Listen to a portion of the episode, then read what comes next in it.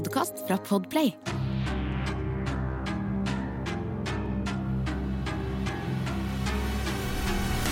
Hei dere, og velkommen til Forsyningsfredag podcast. I dagens episode skal jeg ta for meg en sak som bl.a. handler om seksuelle overgrep, og kan derfor være veldig skremmende for enkelte lyttere. Derfor så vil jeg anbefale deg, om du er enten yngre eller sensitiv til informasjon som det, å enten skru av eller lytte sammen med en voksen eller en person du stoler på.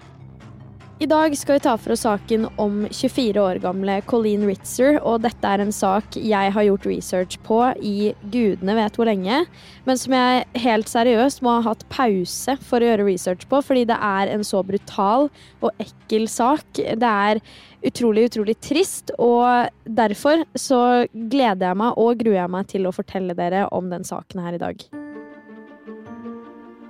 Colleen Ritzer ble født 13. mai 1989, og foreldrene hennes heter Peggy og Thomas Ritzer. Hun er også da eldst av tre søsken, men hun også elsket å være storesøster. Og familielivet hennes var veldig veldig viktig for hun, så hun tok veldig godt vare på de rundt seg. Både søsknene sine, foreldre, besteforeldre, onkler og tanter og kusiner osv. Enkelte kilder forklarer faktisk også at eh, lillebroren til Colleen spesielt anså nesten Colleen som en mor nummer to, og han ville alltid sove på rommet hennes og tilbringe masse tid sammen med henne.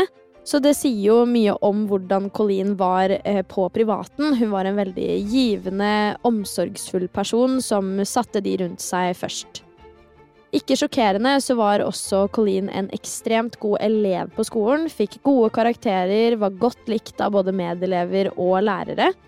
Colleen hadde også lyst til å bli lærer fra veldig ung alder, og har aldri villet noe annet. Eh, til og med familie og venner var overbevist om at det her var et perfekt yrke for henne.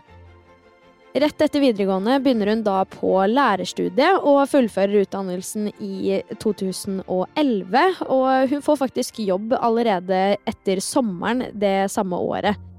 Her jobber hun i rundt et år før hun sier opp eh, stillingen sin og søker seg inn på Danvers High School. Og det her var visstnok en skole som Colleen lenge hadde ønsket seg å jobbe på. Hun var veldig selektiv med hvor hun ønsket å jobbe, ifølge moren sin. Så dette her var å få drømmejobben for hennes del. På Danvers High School blir hun mattelærer, og det var også et av hennes favorittfag. Colleen elsket å komme inn i et klasserom spekka av elever og ha muligheten til å påvirke dem i positiv retning. Colleen blir hele livet, og spesielt i voksen alder, beskrevet som en veldig glad, positiv, omsorgsfull og givende person. Og hun var også veldig aktiv på sosiale medier, så jeg gikk faktisk inn på Twitter-kontoen hennes og så at i bioen hennes så har hun skrevet at hun ofte er altfor gira på emnene eller fagene hun underviser i. Det er også veldig synlig da, på den Twitter-kontoen hennes, ettersom hun var veldig aktiv med å dele diverse matterelatert innhold. Og hun på en måte delte mye som kunne hjelpe elevene hennes til å forstå det bedre. Så det virket som at Colleen var en sånn lærer som møtte elevene der de var. Og eh, forskjellige lærere og ansatte på skolen forteller også at hun var en veldig unik lærer. Hun hadde en unik stil å lære elevene på. Colleen var også et rutinemenneske. Hun sto alltid opp til lik tid, kom alltid hjem til lik tid osv., og, så og dersom hun ikke gjorde det, så sa hun alltid ifra om hun ble sen. Colleen var jo da, som dere sikkert skjønner, veldig opptatt av å bruke hverdagen sin på å hjelpe unge så godt hun kunne, og det funka også. Elevene på Danvers forklarte at Colleen hadde egenskapen om å gjøre matte til et morsomt fag å lære seg, til tross for hvor veldig veldig kjedelig det er for mange, inkludert meg sjøl. Hun var jo også veldig ung, hun var 24 år gammel, og kunne lettere engasjere elevene, som dere skjønner, gjennom Twitter og sånne ting.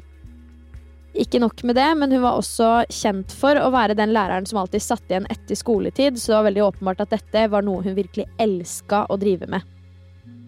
22.10.2013 var en veldig overskya og vindfull dag, men ellers helt, helt normal.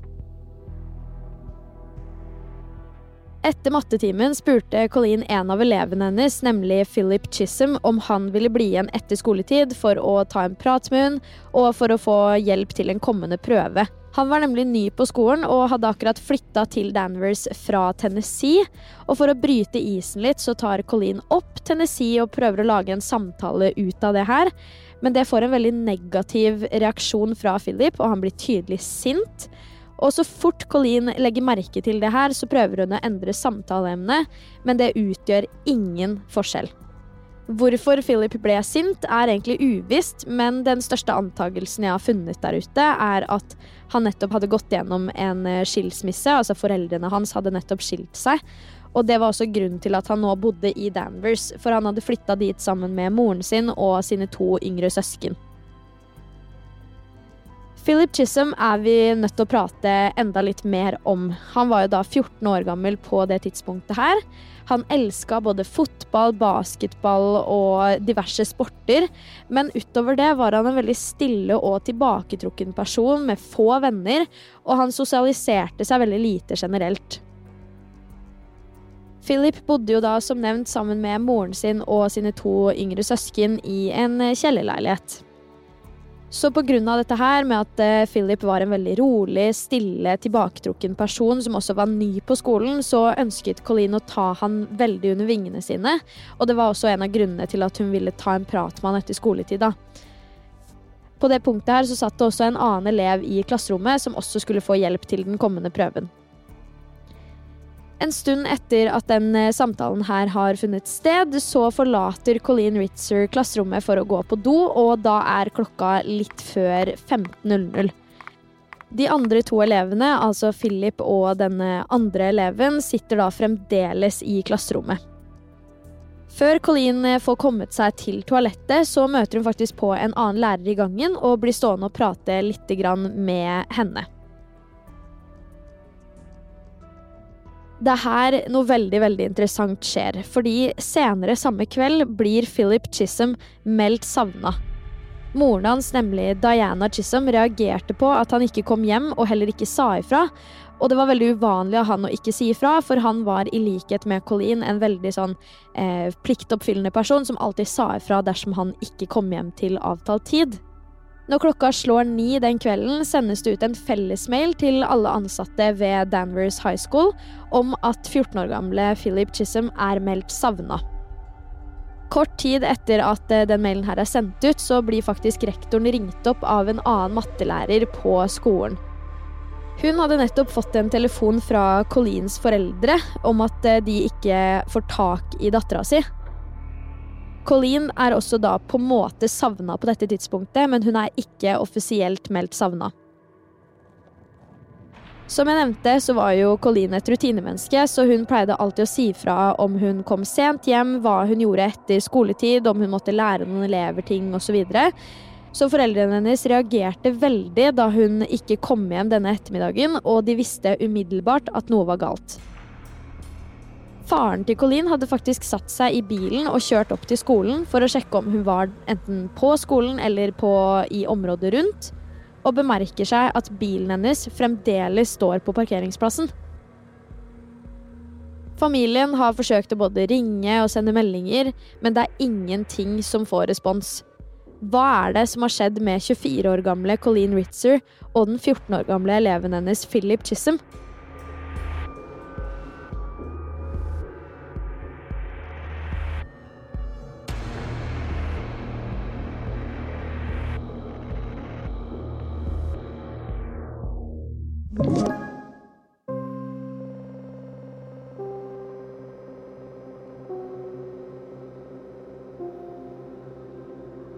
Det er ikke før klokka nærmer seg halv tolv på kvelden 22. oktober at Colleen offisielt blir meldt savna til politiet.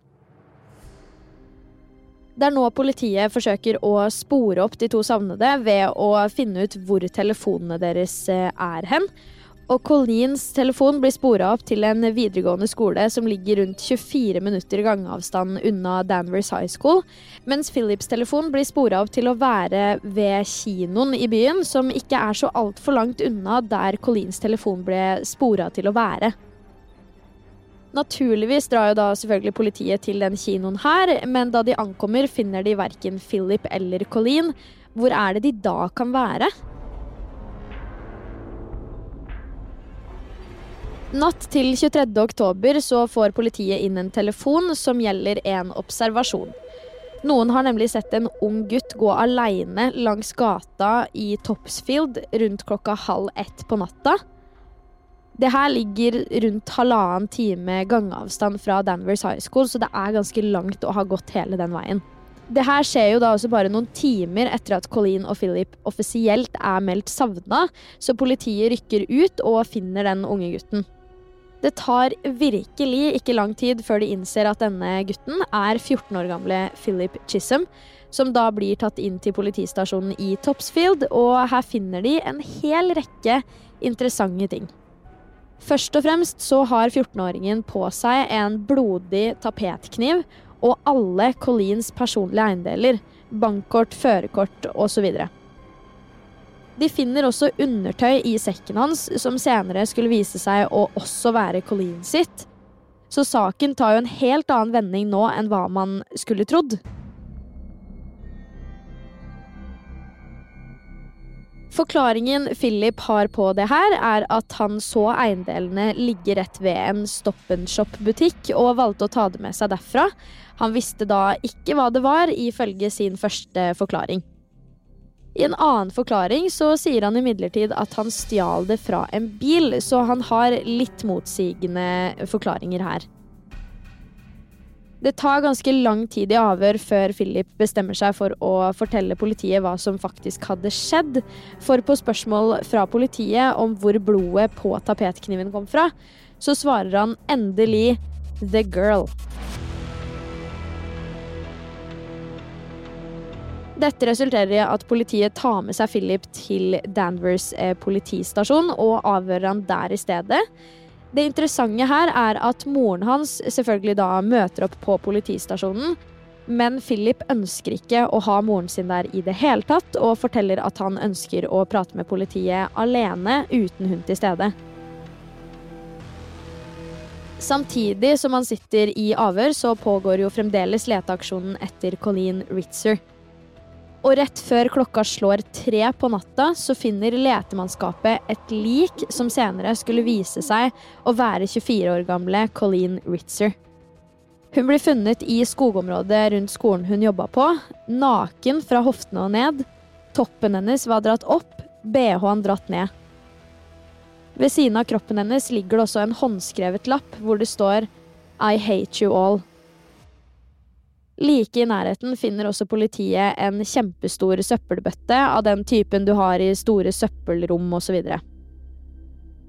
Etter hvert som etterforskningen pågår, så blir også politiet nødt til å sjekke overvåkningskameraene på skolen, fordi det er jo der Colleen sist ble sett i live. Det er også nå vi får vite hva som faktisk skjedde denne dagen etter skoletid. Overvåkningskameraene på skolen har nemlig klart å fange opp alt som skjedde fra Colleen forlot klasserommet for å gå på do. Her kan vi se at Colleen forlater klasserommet rundt 14.50, og at Philip går etter bare noen minutter senere. Vi ser Colleen gå inn på toalettet i andre etasje, og da klokka slår 14.55, kommer Philip inn på badet etter hun. På veien har han rukket å ta hetta over hodet og ta på seg et par hansker. Inne på toalettet så har han kvalt Colleen knivstukket hun 16 ganger med tapetkniven og utsatte hun for seksuelt overgrep. En annen elev kom også inn på toalettet akkurat idet Philip trekker på seg buksa igjen. Men jenta ofra ikke det her noe særlig tanke, med tanke på at hun trodde egentlig bare at hun gikk inn på noen som skifta, så da snudde hun seg og gikk med en gang. Også dette er fanget opp på overvåkning.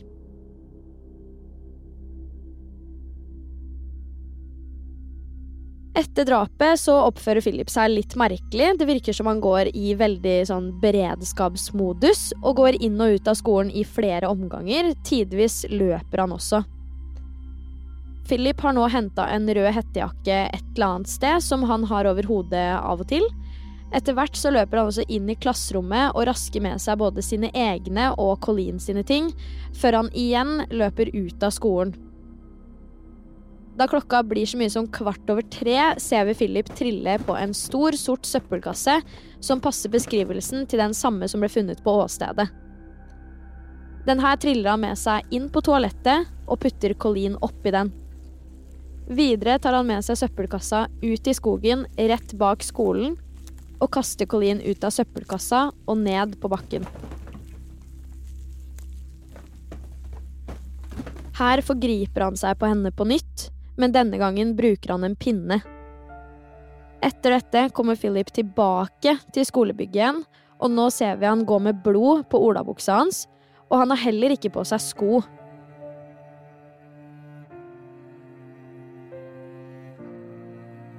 Nå bestemmer han seg for å gå inn på et toalett og skifte, før han da går opp til andre etasje, inn på badet der han drepte Colleen, enda en gang. Egentlig så hadde også Philip eh, fotballtrening etter skolen, men der dukka han aldri opp, til tross for at han ble værende på skoleområdet en god stund etter drapet. Men på et eller annet tidspunkt mellom det og fotballtreninga så velger han å reise derfra, og da tydeligvis opp til Topsfield, hvor han senere skal bli funnet. Ok, så hør på det her. Philip Chisholm var så bestemt på hva han skulle gjøre, at han velger å gå for det, til tross for at han vet hvor mange overvåkningskameraer det er på skolen. Ikke nok med det, men han velger å gjøre det på en offentlig skole, på et ulåst toalett, uten å engang lukke døra til verken båsen eller til selve toalettet. Han kan jo ikke ha brydd seg om at noen veldig lett kunne ha sett det. Er det også grunnen til at han gikk og gikk i flere timer etter at drapet skjedde? Det her virker jo absolutt ikke som en spontan og tilfeldig handling, med tanke på at han hadde med seg både tapetkniv, ekstra skift, hansker og diverse ting på skolen den dagen her. Som nevnt så virker det jo som at uh, Philip går veldig i beredskapsmodus etter drapet for å få fjerna uh, Colleen og diverse spor, og for å virke helt normal. Dere husker jeg nevnte at uh, Colleens personlige eiendeler blir funnet i sekken hans, og at telefonen til Philip ble spora opp til en kino i nærheten? Altså, det er jo fordi at Philip den kvelden her hadde brukt Colleens bankkort for å kjøpe fastfood, altså mat, og også en kinobillett. Rettssaken mot 14 år gamle Philip Chisholm begynner ikke før det påfølgende året, nemlig 2014. Han blir satt i varetekt på en ungdomsavdeling i mellomtida, eh, og på denne ungdomsavdelingen så forsøker han å begå en veldig lik handling mot en 29 år gammel ansatt. Da han var alene med den ansatte her, så dytter han henne opp etter veggen, forsøker å kvele hun, slår hun og stikker hun med en blyant. Heldigvis så er det en annen ansatt som hører at det foregår noe inne på det rommet her, så vedkommende løper inn på rommet og får redda 29-åringen ut av situasjonen. Det her blir da naturligvis lagt til i tiltalen som blir tatt ut mot 14-åringen. I 2016 blir Philip Chisholm dømt til 40 år i fengsel for drap, seksuelt overgrep og ran av Colleen Ritzer. Dommen hans inneholder imidlertid ingen punkter fra hendelsen mot den ansatte da han satt i varetekt. Mange av dere sitter sikkert med samme spørsmål som jeg gjorde da jeg gjorde research på den saken her, nemlig hvorfor blir han stilt for retten som voksen når han bare er 14 år gammel? For eh, som noen av dere helt sikkert vet, så er det jo sånn at da så er det veldig ofte sånn at de heller blir stilt for en eh, typisk ungdomsrett. Men ifølge capettalaw.com så kan man faktisk bli sikta for en kriminell handling allerede fra man er syv år og oppover i Massachusetts, hvor da Danvers ligger. Og så er det jo også sånn at i det tilfellet her blir nok Philip antageligvis stilt for retten som voksen på bakgrunn av hvor grusom og alvorlig den saken her er. Philip nekta jo da selvfølgelig straffskyld på bakgrunn av utilregnelighet, ifølge forsvarsadvokaten hans. Og advokaten hans forklarer også at Philip var i en psykose i gjerningsøyeblikket, men retten avslår dette her med en gang, ettersom de mener at det var en tydelig planlagt eh, handling. Eh, han hadde jo som nevnt tatt med seg masse greier på skolen den dagen her, så dette var noe han hadde planlagt på forhånd.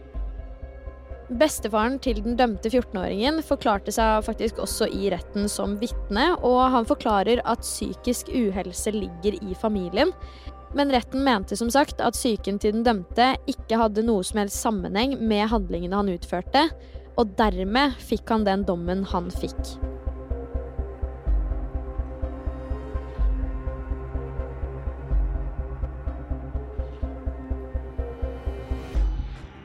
Dette er Forsyningsfredag podkast med meg, Sara Høydahl. Og dersom du har lyst til å høre om flere saker, så kan du sjekke ut YouTube-kanalen min under samme navn som meg sjæl. Men uansett så kommer det en helt ny Forsyningsfredag podkast-episode allerede neste fredag. Og i mellomtiden, ta vare på deg selv. Du har hørt en podkast fra Podplay. En enklere måte å høre podkast på. Last ned appen Podplay, eller se podplay.no.